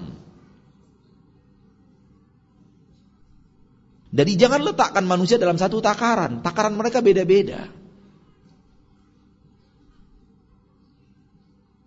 Takaran mereka berbeda, berbeda-beda. Maka perlakukan mereka sesuai dengan takarannya. Anzilun nasa manazilahum. Perlakukan manusia sesuai dengan derajat-derajat mereka.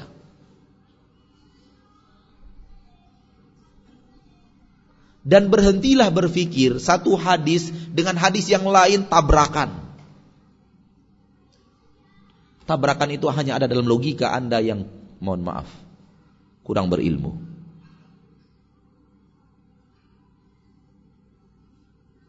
Jadi jangan coba-coba pertanyaan salah ke Abu Bakar. Mending kita sedikit berakhlak dan bertanya, bagaimana ini Ustadz? Tadi sepertiga, sekarang Abu Bakar semuanya bagaimana menyatukan dua hadis ini, bagaimana memahaminya? Kan lebih enak daripada nyalah-nyalahkan Abu Bakar.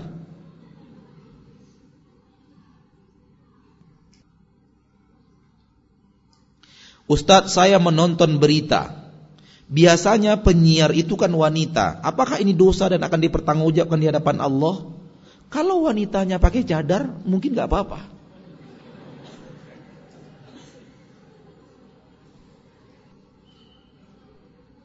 Mungkin nggak apa-apa. Mungkin nggak apa-apa. Saya mengatakan itu pun mungkin.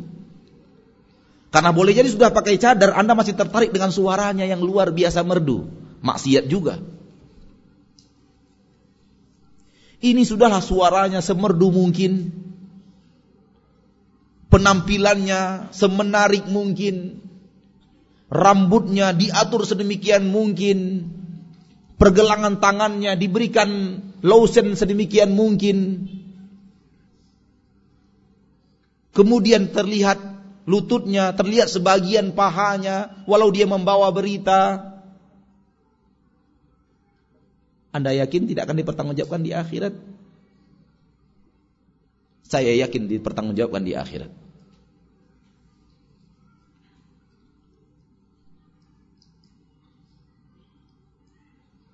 Di kampung saya tidak ada didirikan solat berjamaah. La ilaha illallah. Tiap waktu saya azan, namun tidak ada yang datang. La ilaha illallah.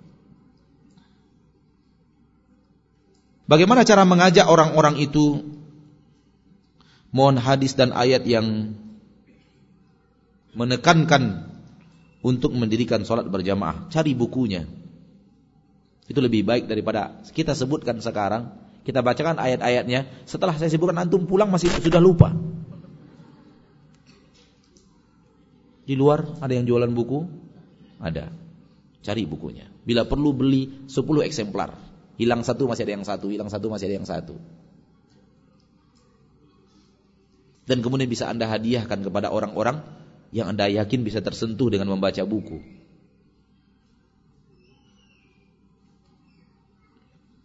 Namun istiqomahlah untuk terus azan. Karena Anda sudah menjadi yang terbaik. Dan mudah-mudahan nanti akan ada satu orang yang datang. Dan mudah-mudahan setelah itu ada dua yang datang. Saran kita jangan hanya azan saja. Kalau ketemu dengan orang teman Anda lama ajak sholat. Ada keponakan Anda, gunakan power Anda sebagai seorang paman untuk ngajak dia sholat. Kenapa tidak? Biarlah sementara keponakan itu terasa terpaksa daripada dia tidak sholat sama sekali. Untuk sementara wajar. Sampai nanti dia mahir untuk sholat ikhlas. Antum kita semua orang yang sholat itu semuanya ikhlas dari pertama kali. Antum kira semua orang yang masuk Islam ikhlas dari awal. Betapa banyak orang masuk Islam karena dirantai. Karena menjadi tawanan perang. Dan masuk Islamnya terpaksa di awal-awal. Namun perlahan tapi pasti keterpaksaan itu berubah menjadi kecintaan dan keinginan untuk taat. Sehingga baguslah Islamnya. Dan ini sebahagian keadaan para sahabat. Bukan hanya keadaan orang-orang selain sahabat. Sebagian mereka masuk Islam karena keterpaksaan. Karena kalah. Kalau bukan karena kalah nggak bakal masuk Islam. Terkhusus waktu penaklukan kota Mekah. Karena kalah. Daripada dimbat oleh kaum muslimin, lebih baik masuk Islam aja. Masuk Islam. Penuh keterpaksaan. Saya mempunyai mertua yang lumayan kaya. Perjalanan hidup setelah menjadi menantu 13 tahun ternyata banyak yang bangkrut setelah menjual ruko, rumah untuk membayar hutang. Pertanyaannya, bagaimana cara membujuk mertua agar menginfakkan hartanya dibanding dibagi-bagikan kepada anak-anak? Untuk masuk kepada seseorang itu tidak bisa langsung masuk dengan kata-kata. Karena orang pun akan melihat siapa Anda.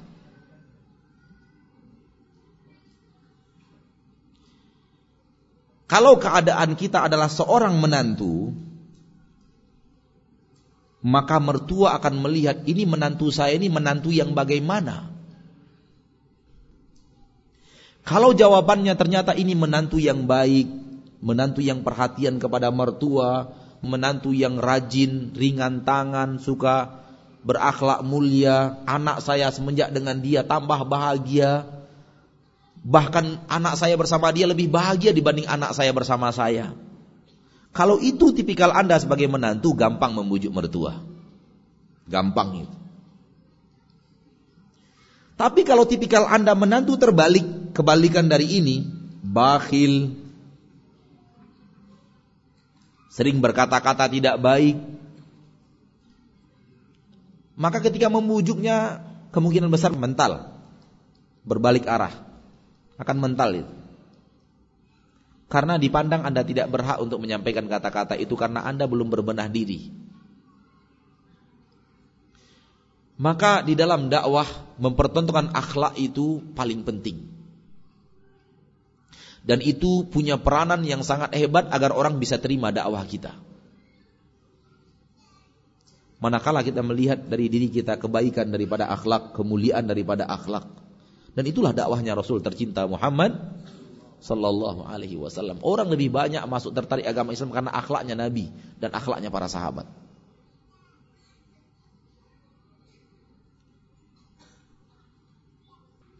Seorang suami berbuat maksiat, main wanita dan narkoba, tapi dia sholat lima waktu. Bagaimana ini Ustadz?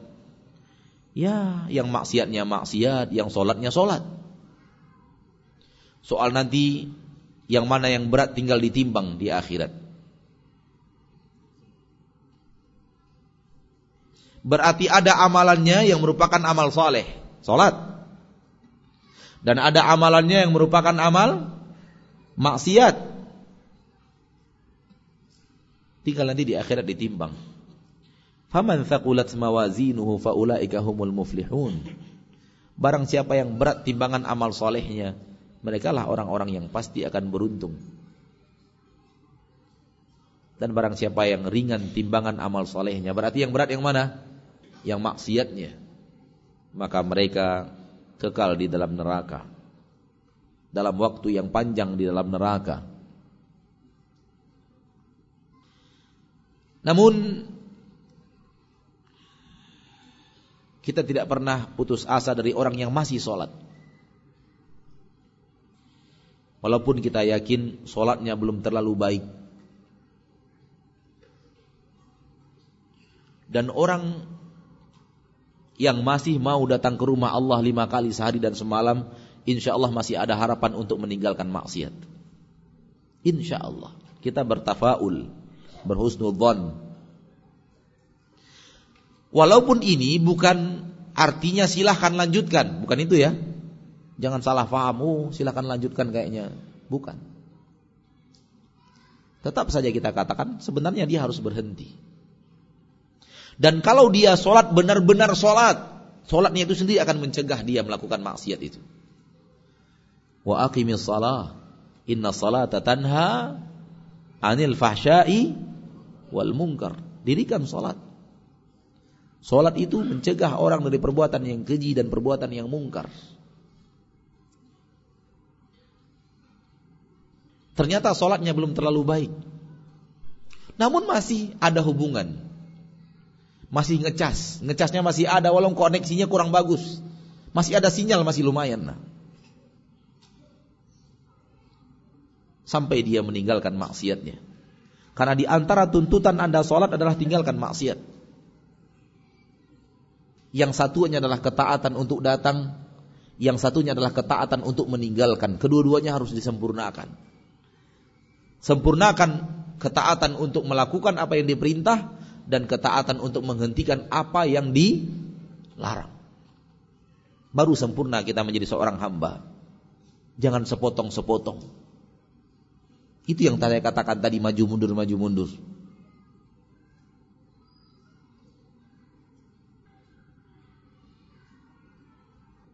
Apakah nafkah istri yang belum dibayar suami itu menjadi hutang bagi suami? Terkadang saat saya tidak bekerja, saya tidak memberi nafkah. Tapi saya masih punya uang, walau sedikit. Apakah kewajiban menafkahi itu adalah ketika ada uang atau ketika kerja saja Ustadz?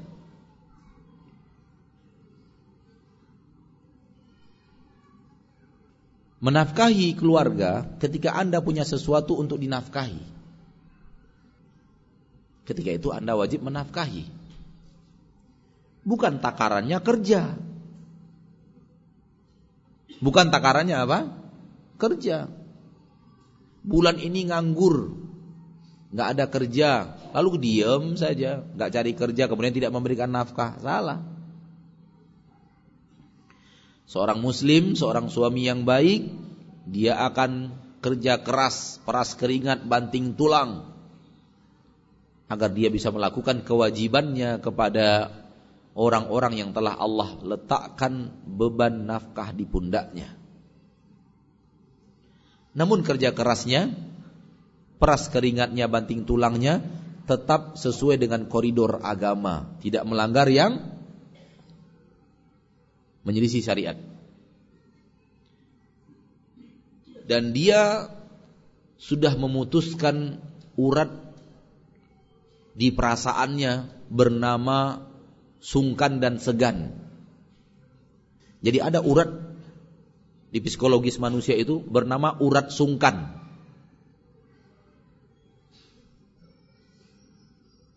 Jadi Anda tidak sungkan lagi. Mau jadi tukang pikul, tukang pikul.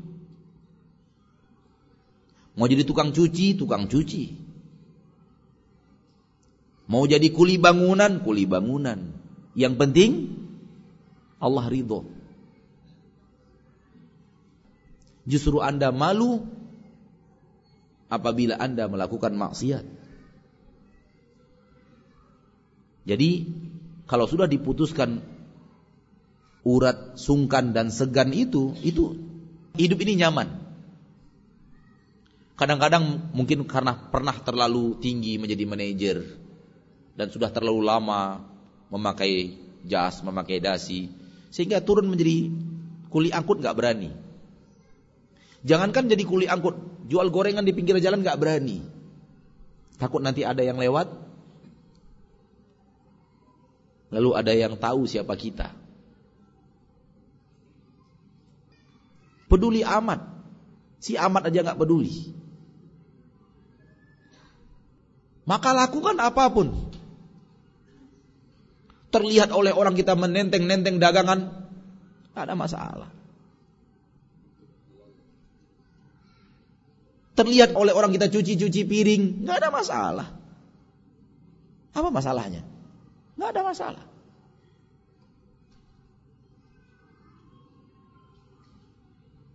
Saya pernah mendengar wanita yang tidak berhijab akan dipertanggungjawabkan oleh ayahnya dan suaminya di neraka. Tapi Ustadz bilang nasab tidak berlaku.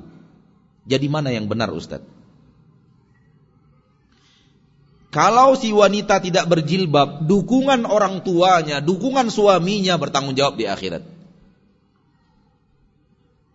Namun kalau orang tuanya sudah sedemikian menasihatinya, suaminya sudah sedemikian mengarahkannya, namun si wanita ini tetap saja mada.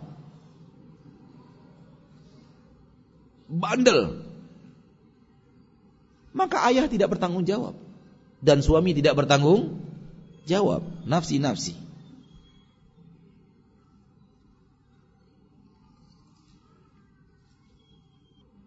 Pertanyaan terakhir. Pada kesempatan yang berbahagia ini. Ustadz tolong nasihatnya kepada Ana Ana memiliki suami jauh lebih tua dari Ana Beliau sangat tidak romantis dan bersifat dingin. Kami sudah menjalani rumah tangga lebih kurang 10 tahun. Anak khawatir berbuat terbuai dengan bisikan syaitan. Anak khawatir timbul rasa bosan, jenuh dengan hubungan pernikahan ini disebabkan kurang kemesraan. Minta nasihat untuk ukhti atau suruh nasihati suaminya.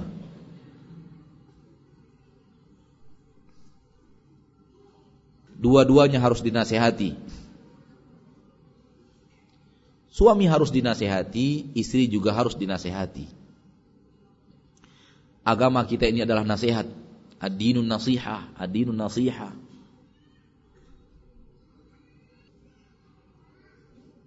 Manusia tidak ada yang sempurna. Manusia tidak ada yang sempurna.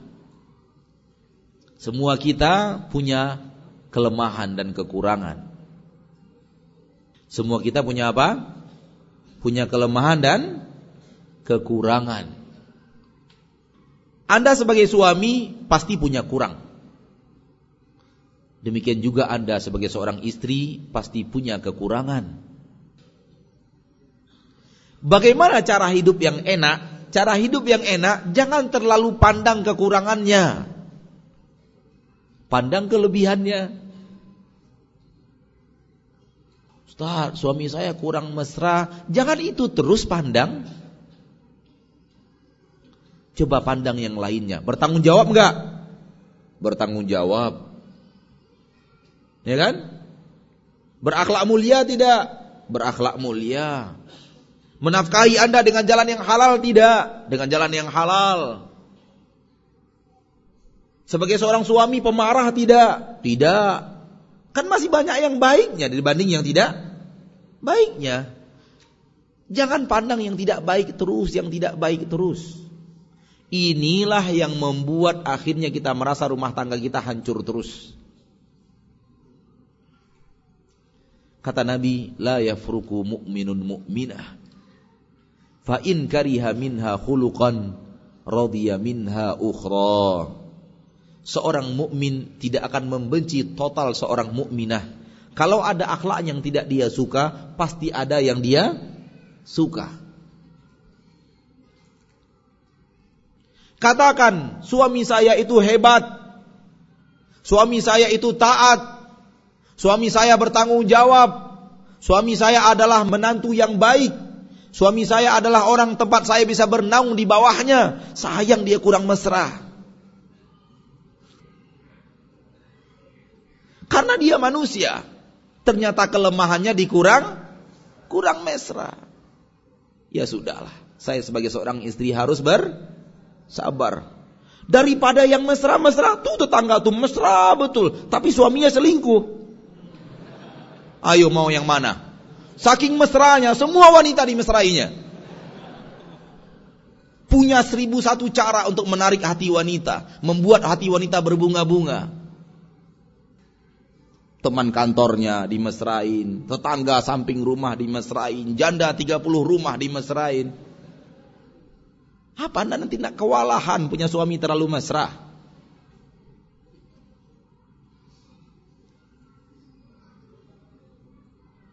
Sungguh pun demikian, Anda wahai suami yang tidak mesra, berbenah dirilah. Karena yang namanya kurang itu tidak ada yang baik. Dan Anda adalah manusia yang Allah berikan kemampuan untuk berbenah diri. Latihan mesra.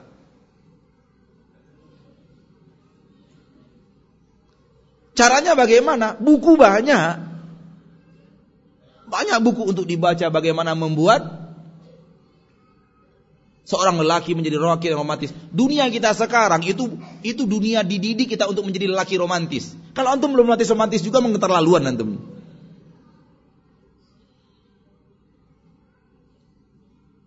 Wanita suka di diromantisi. Walaupun kadang-kadang dia hanyut gara-gara itu. Ada orang yang pandai romantis dia hanya padahal serigala. Karena mereka belajar bagaimana cara romantis. Untuk menerkam domba-domba pilihan yang sedang lalai.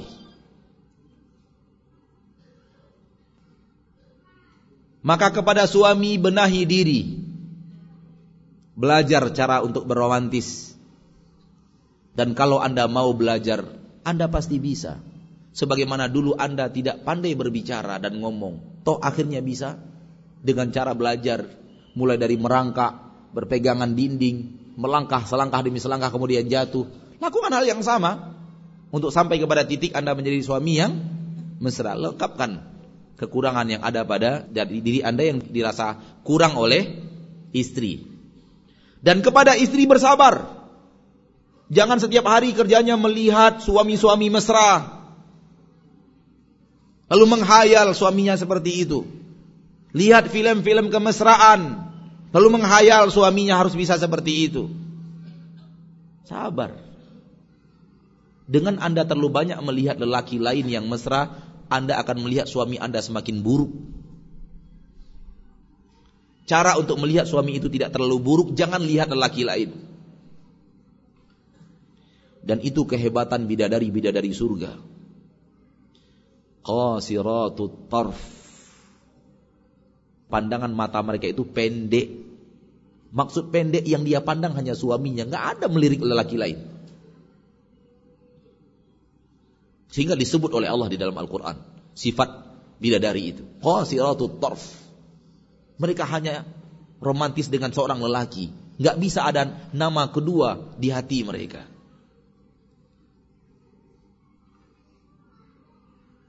Kesalahan banyak orang dalam hidup, apa yang kurang pada suaminya, apa yang kurang pada istrinya, itu yang dilihat pada istri orang, itu yang dilihat pada suami orang. Ketika istrinya pendek, lihat istri orang yang yang tinggi-tinggi, enak ya punya istri tinggi, enak punya istri tinggi. Ketika istrinya hitam, lihat wanita putih terus. Putih ya, putih ya, putih ya.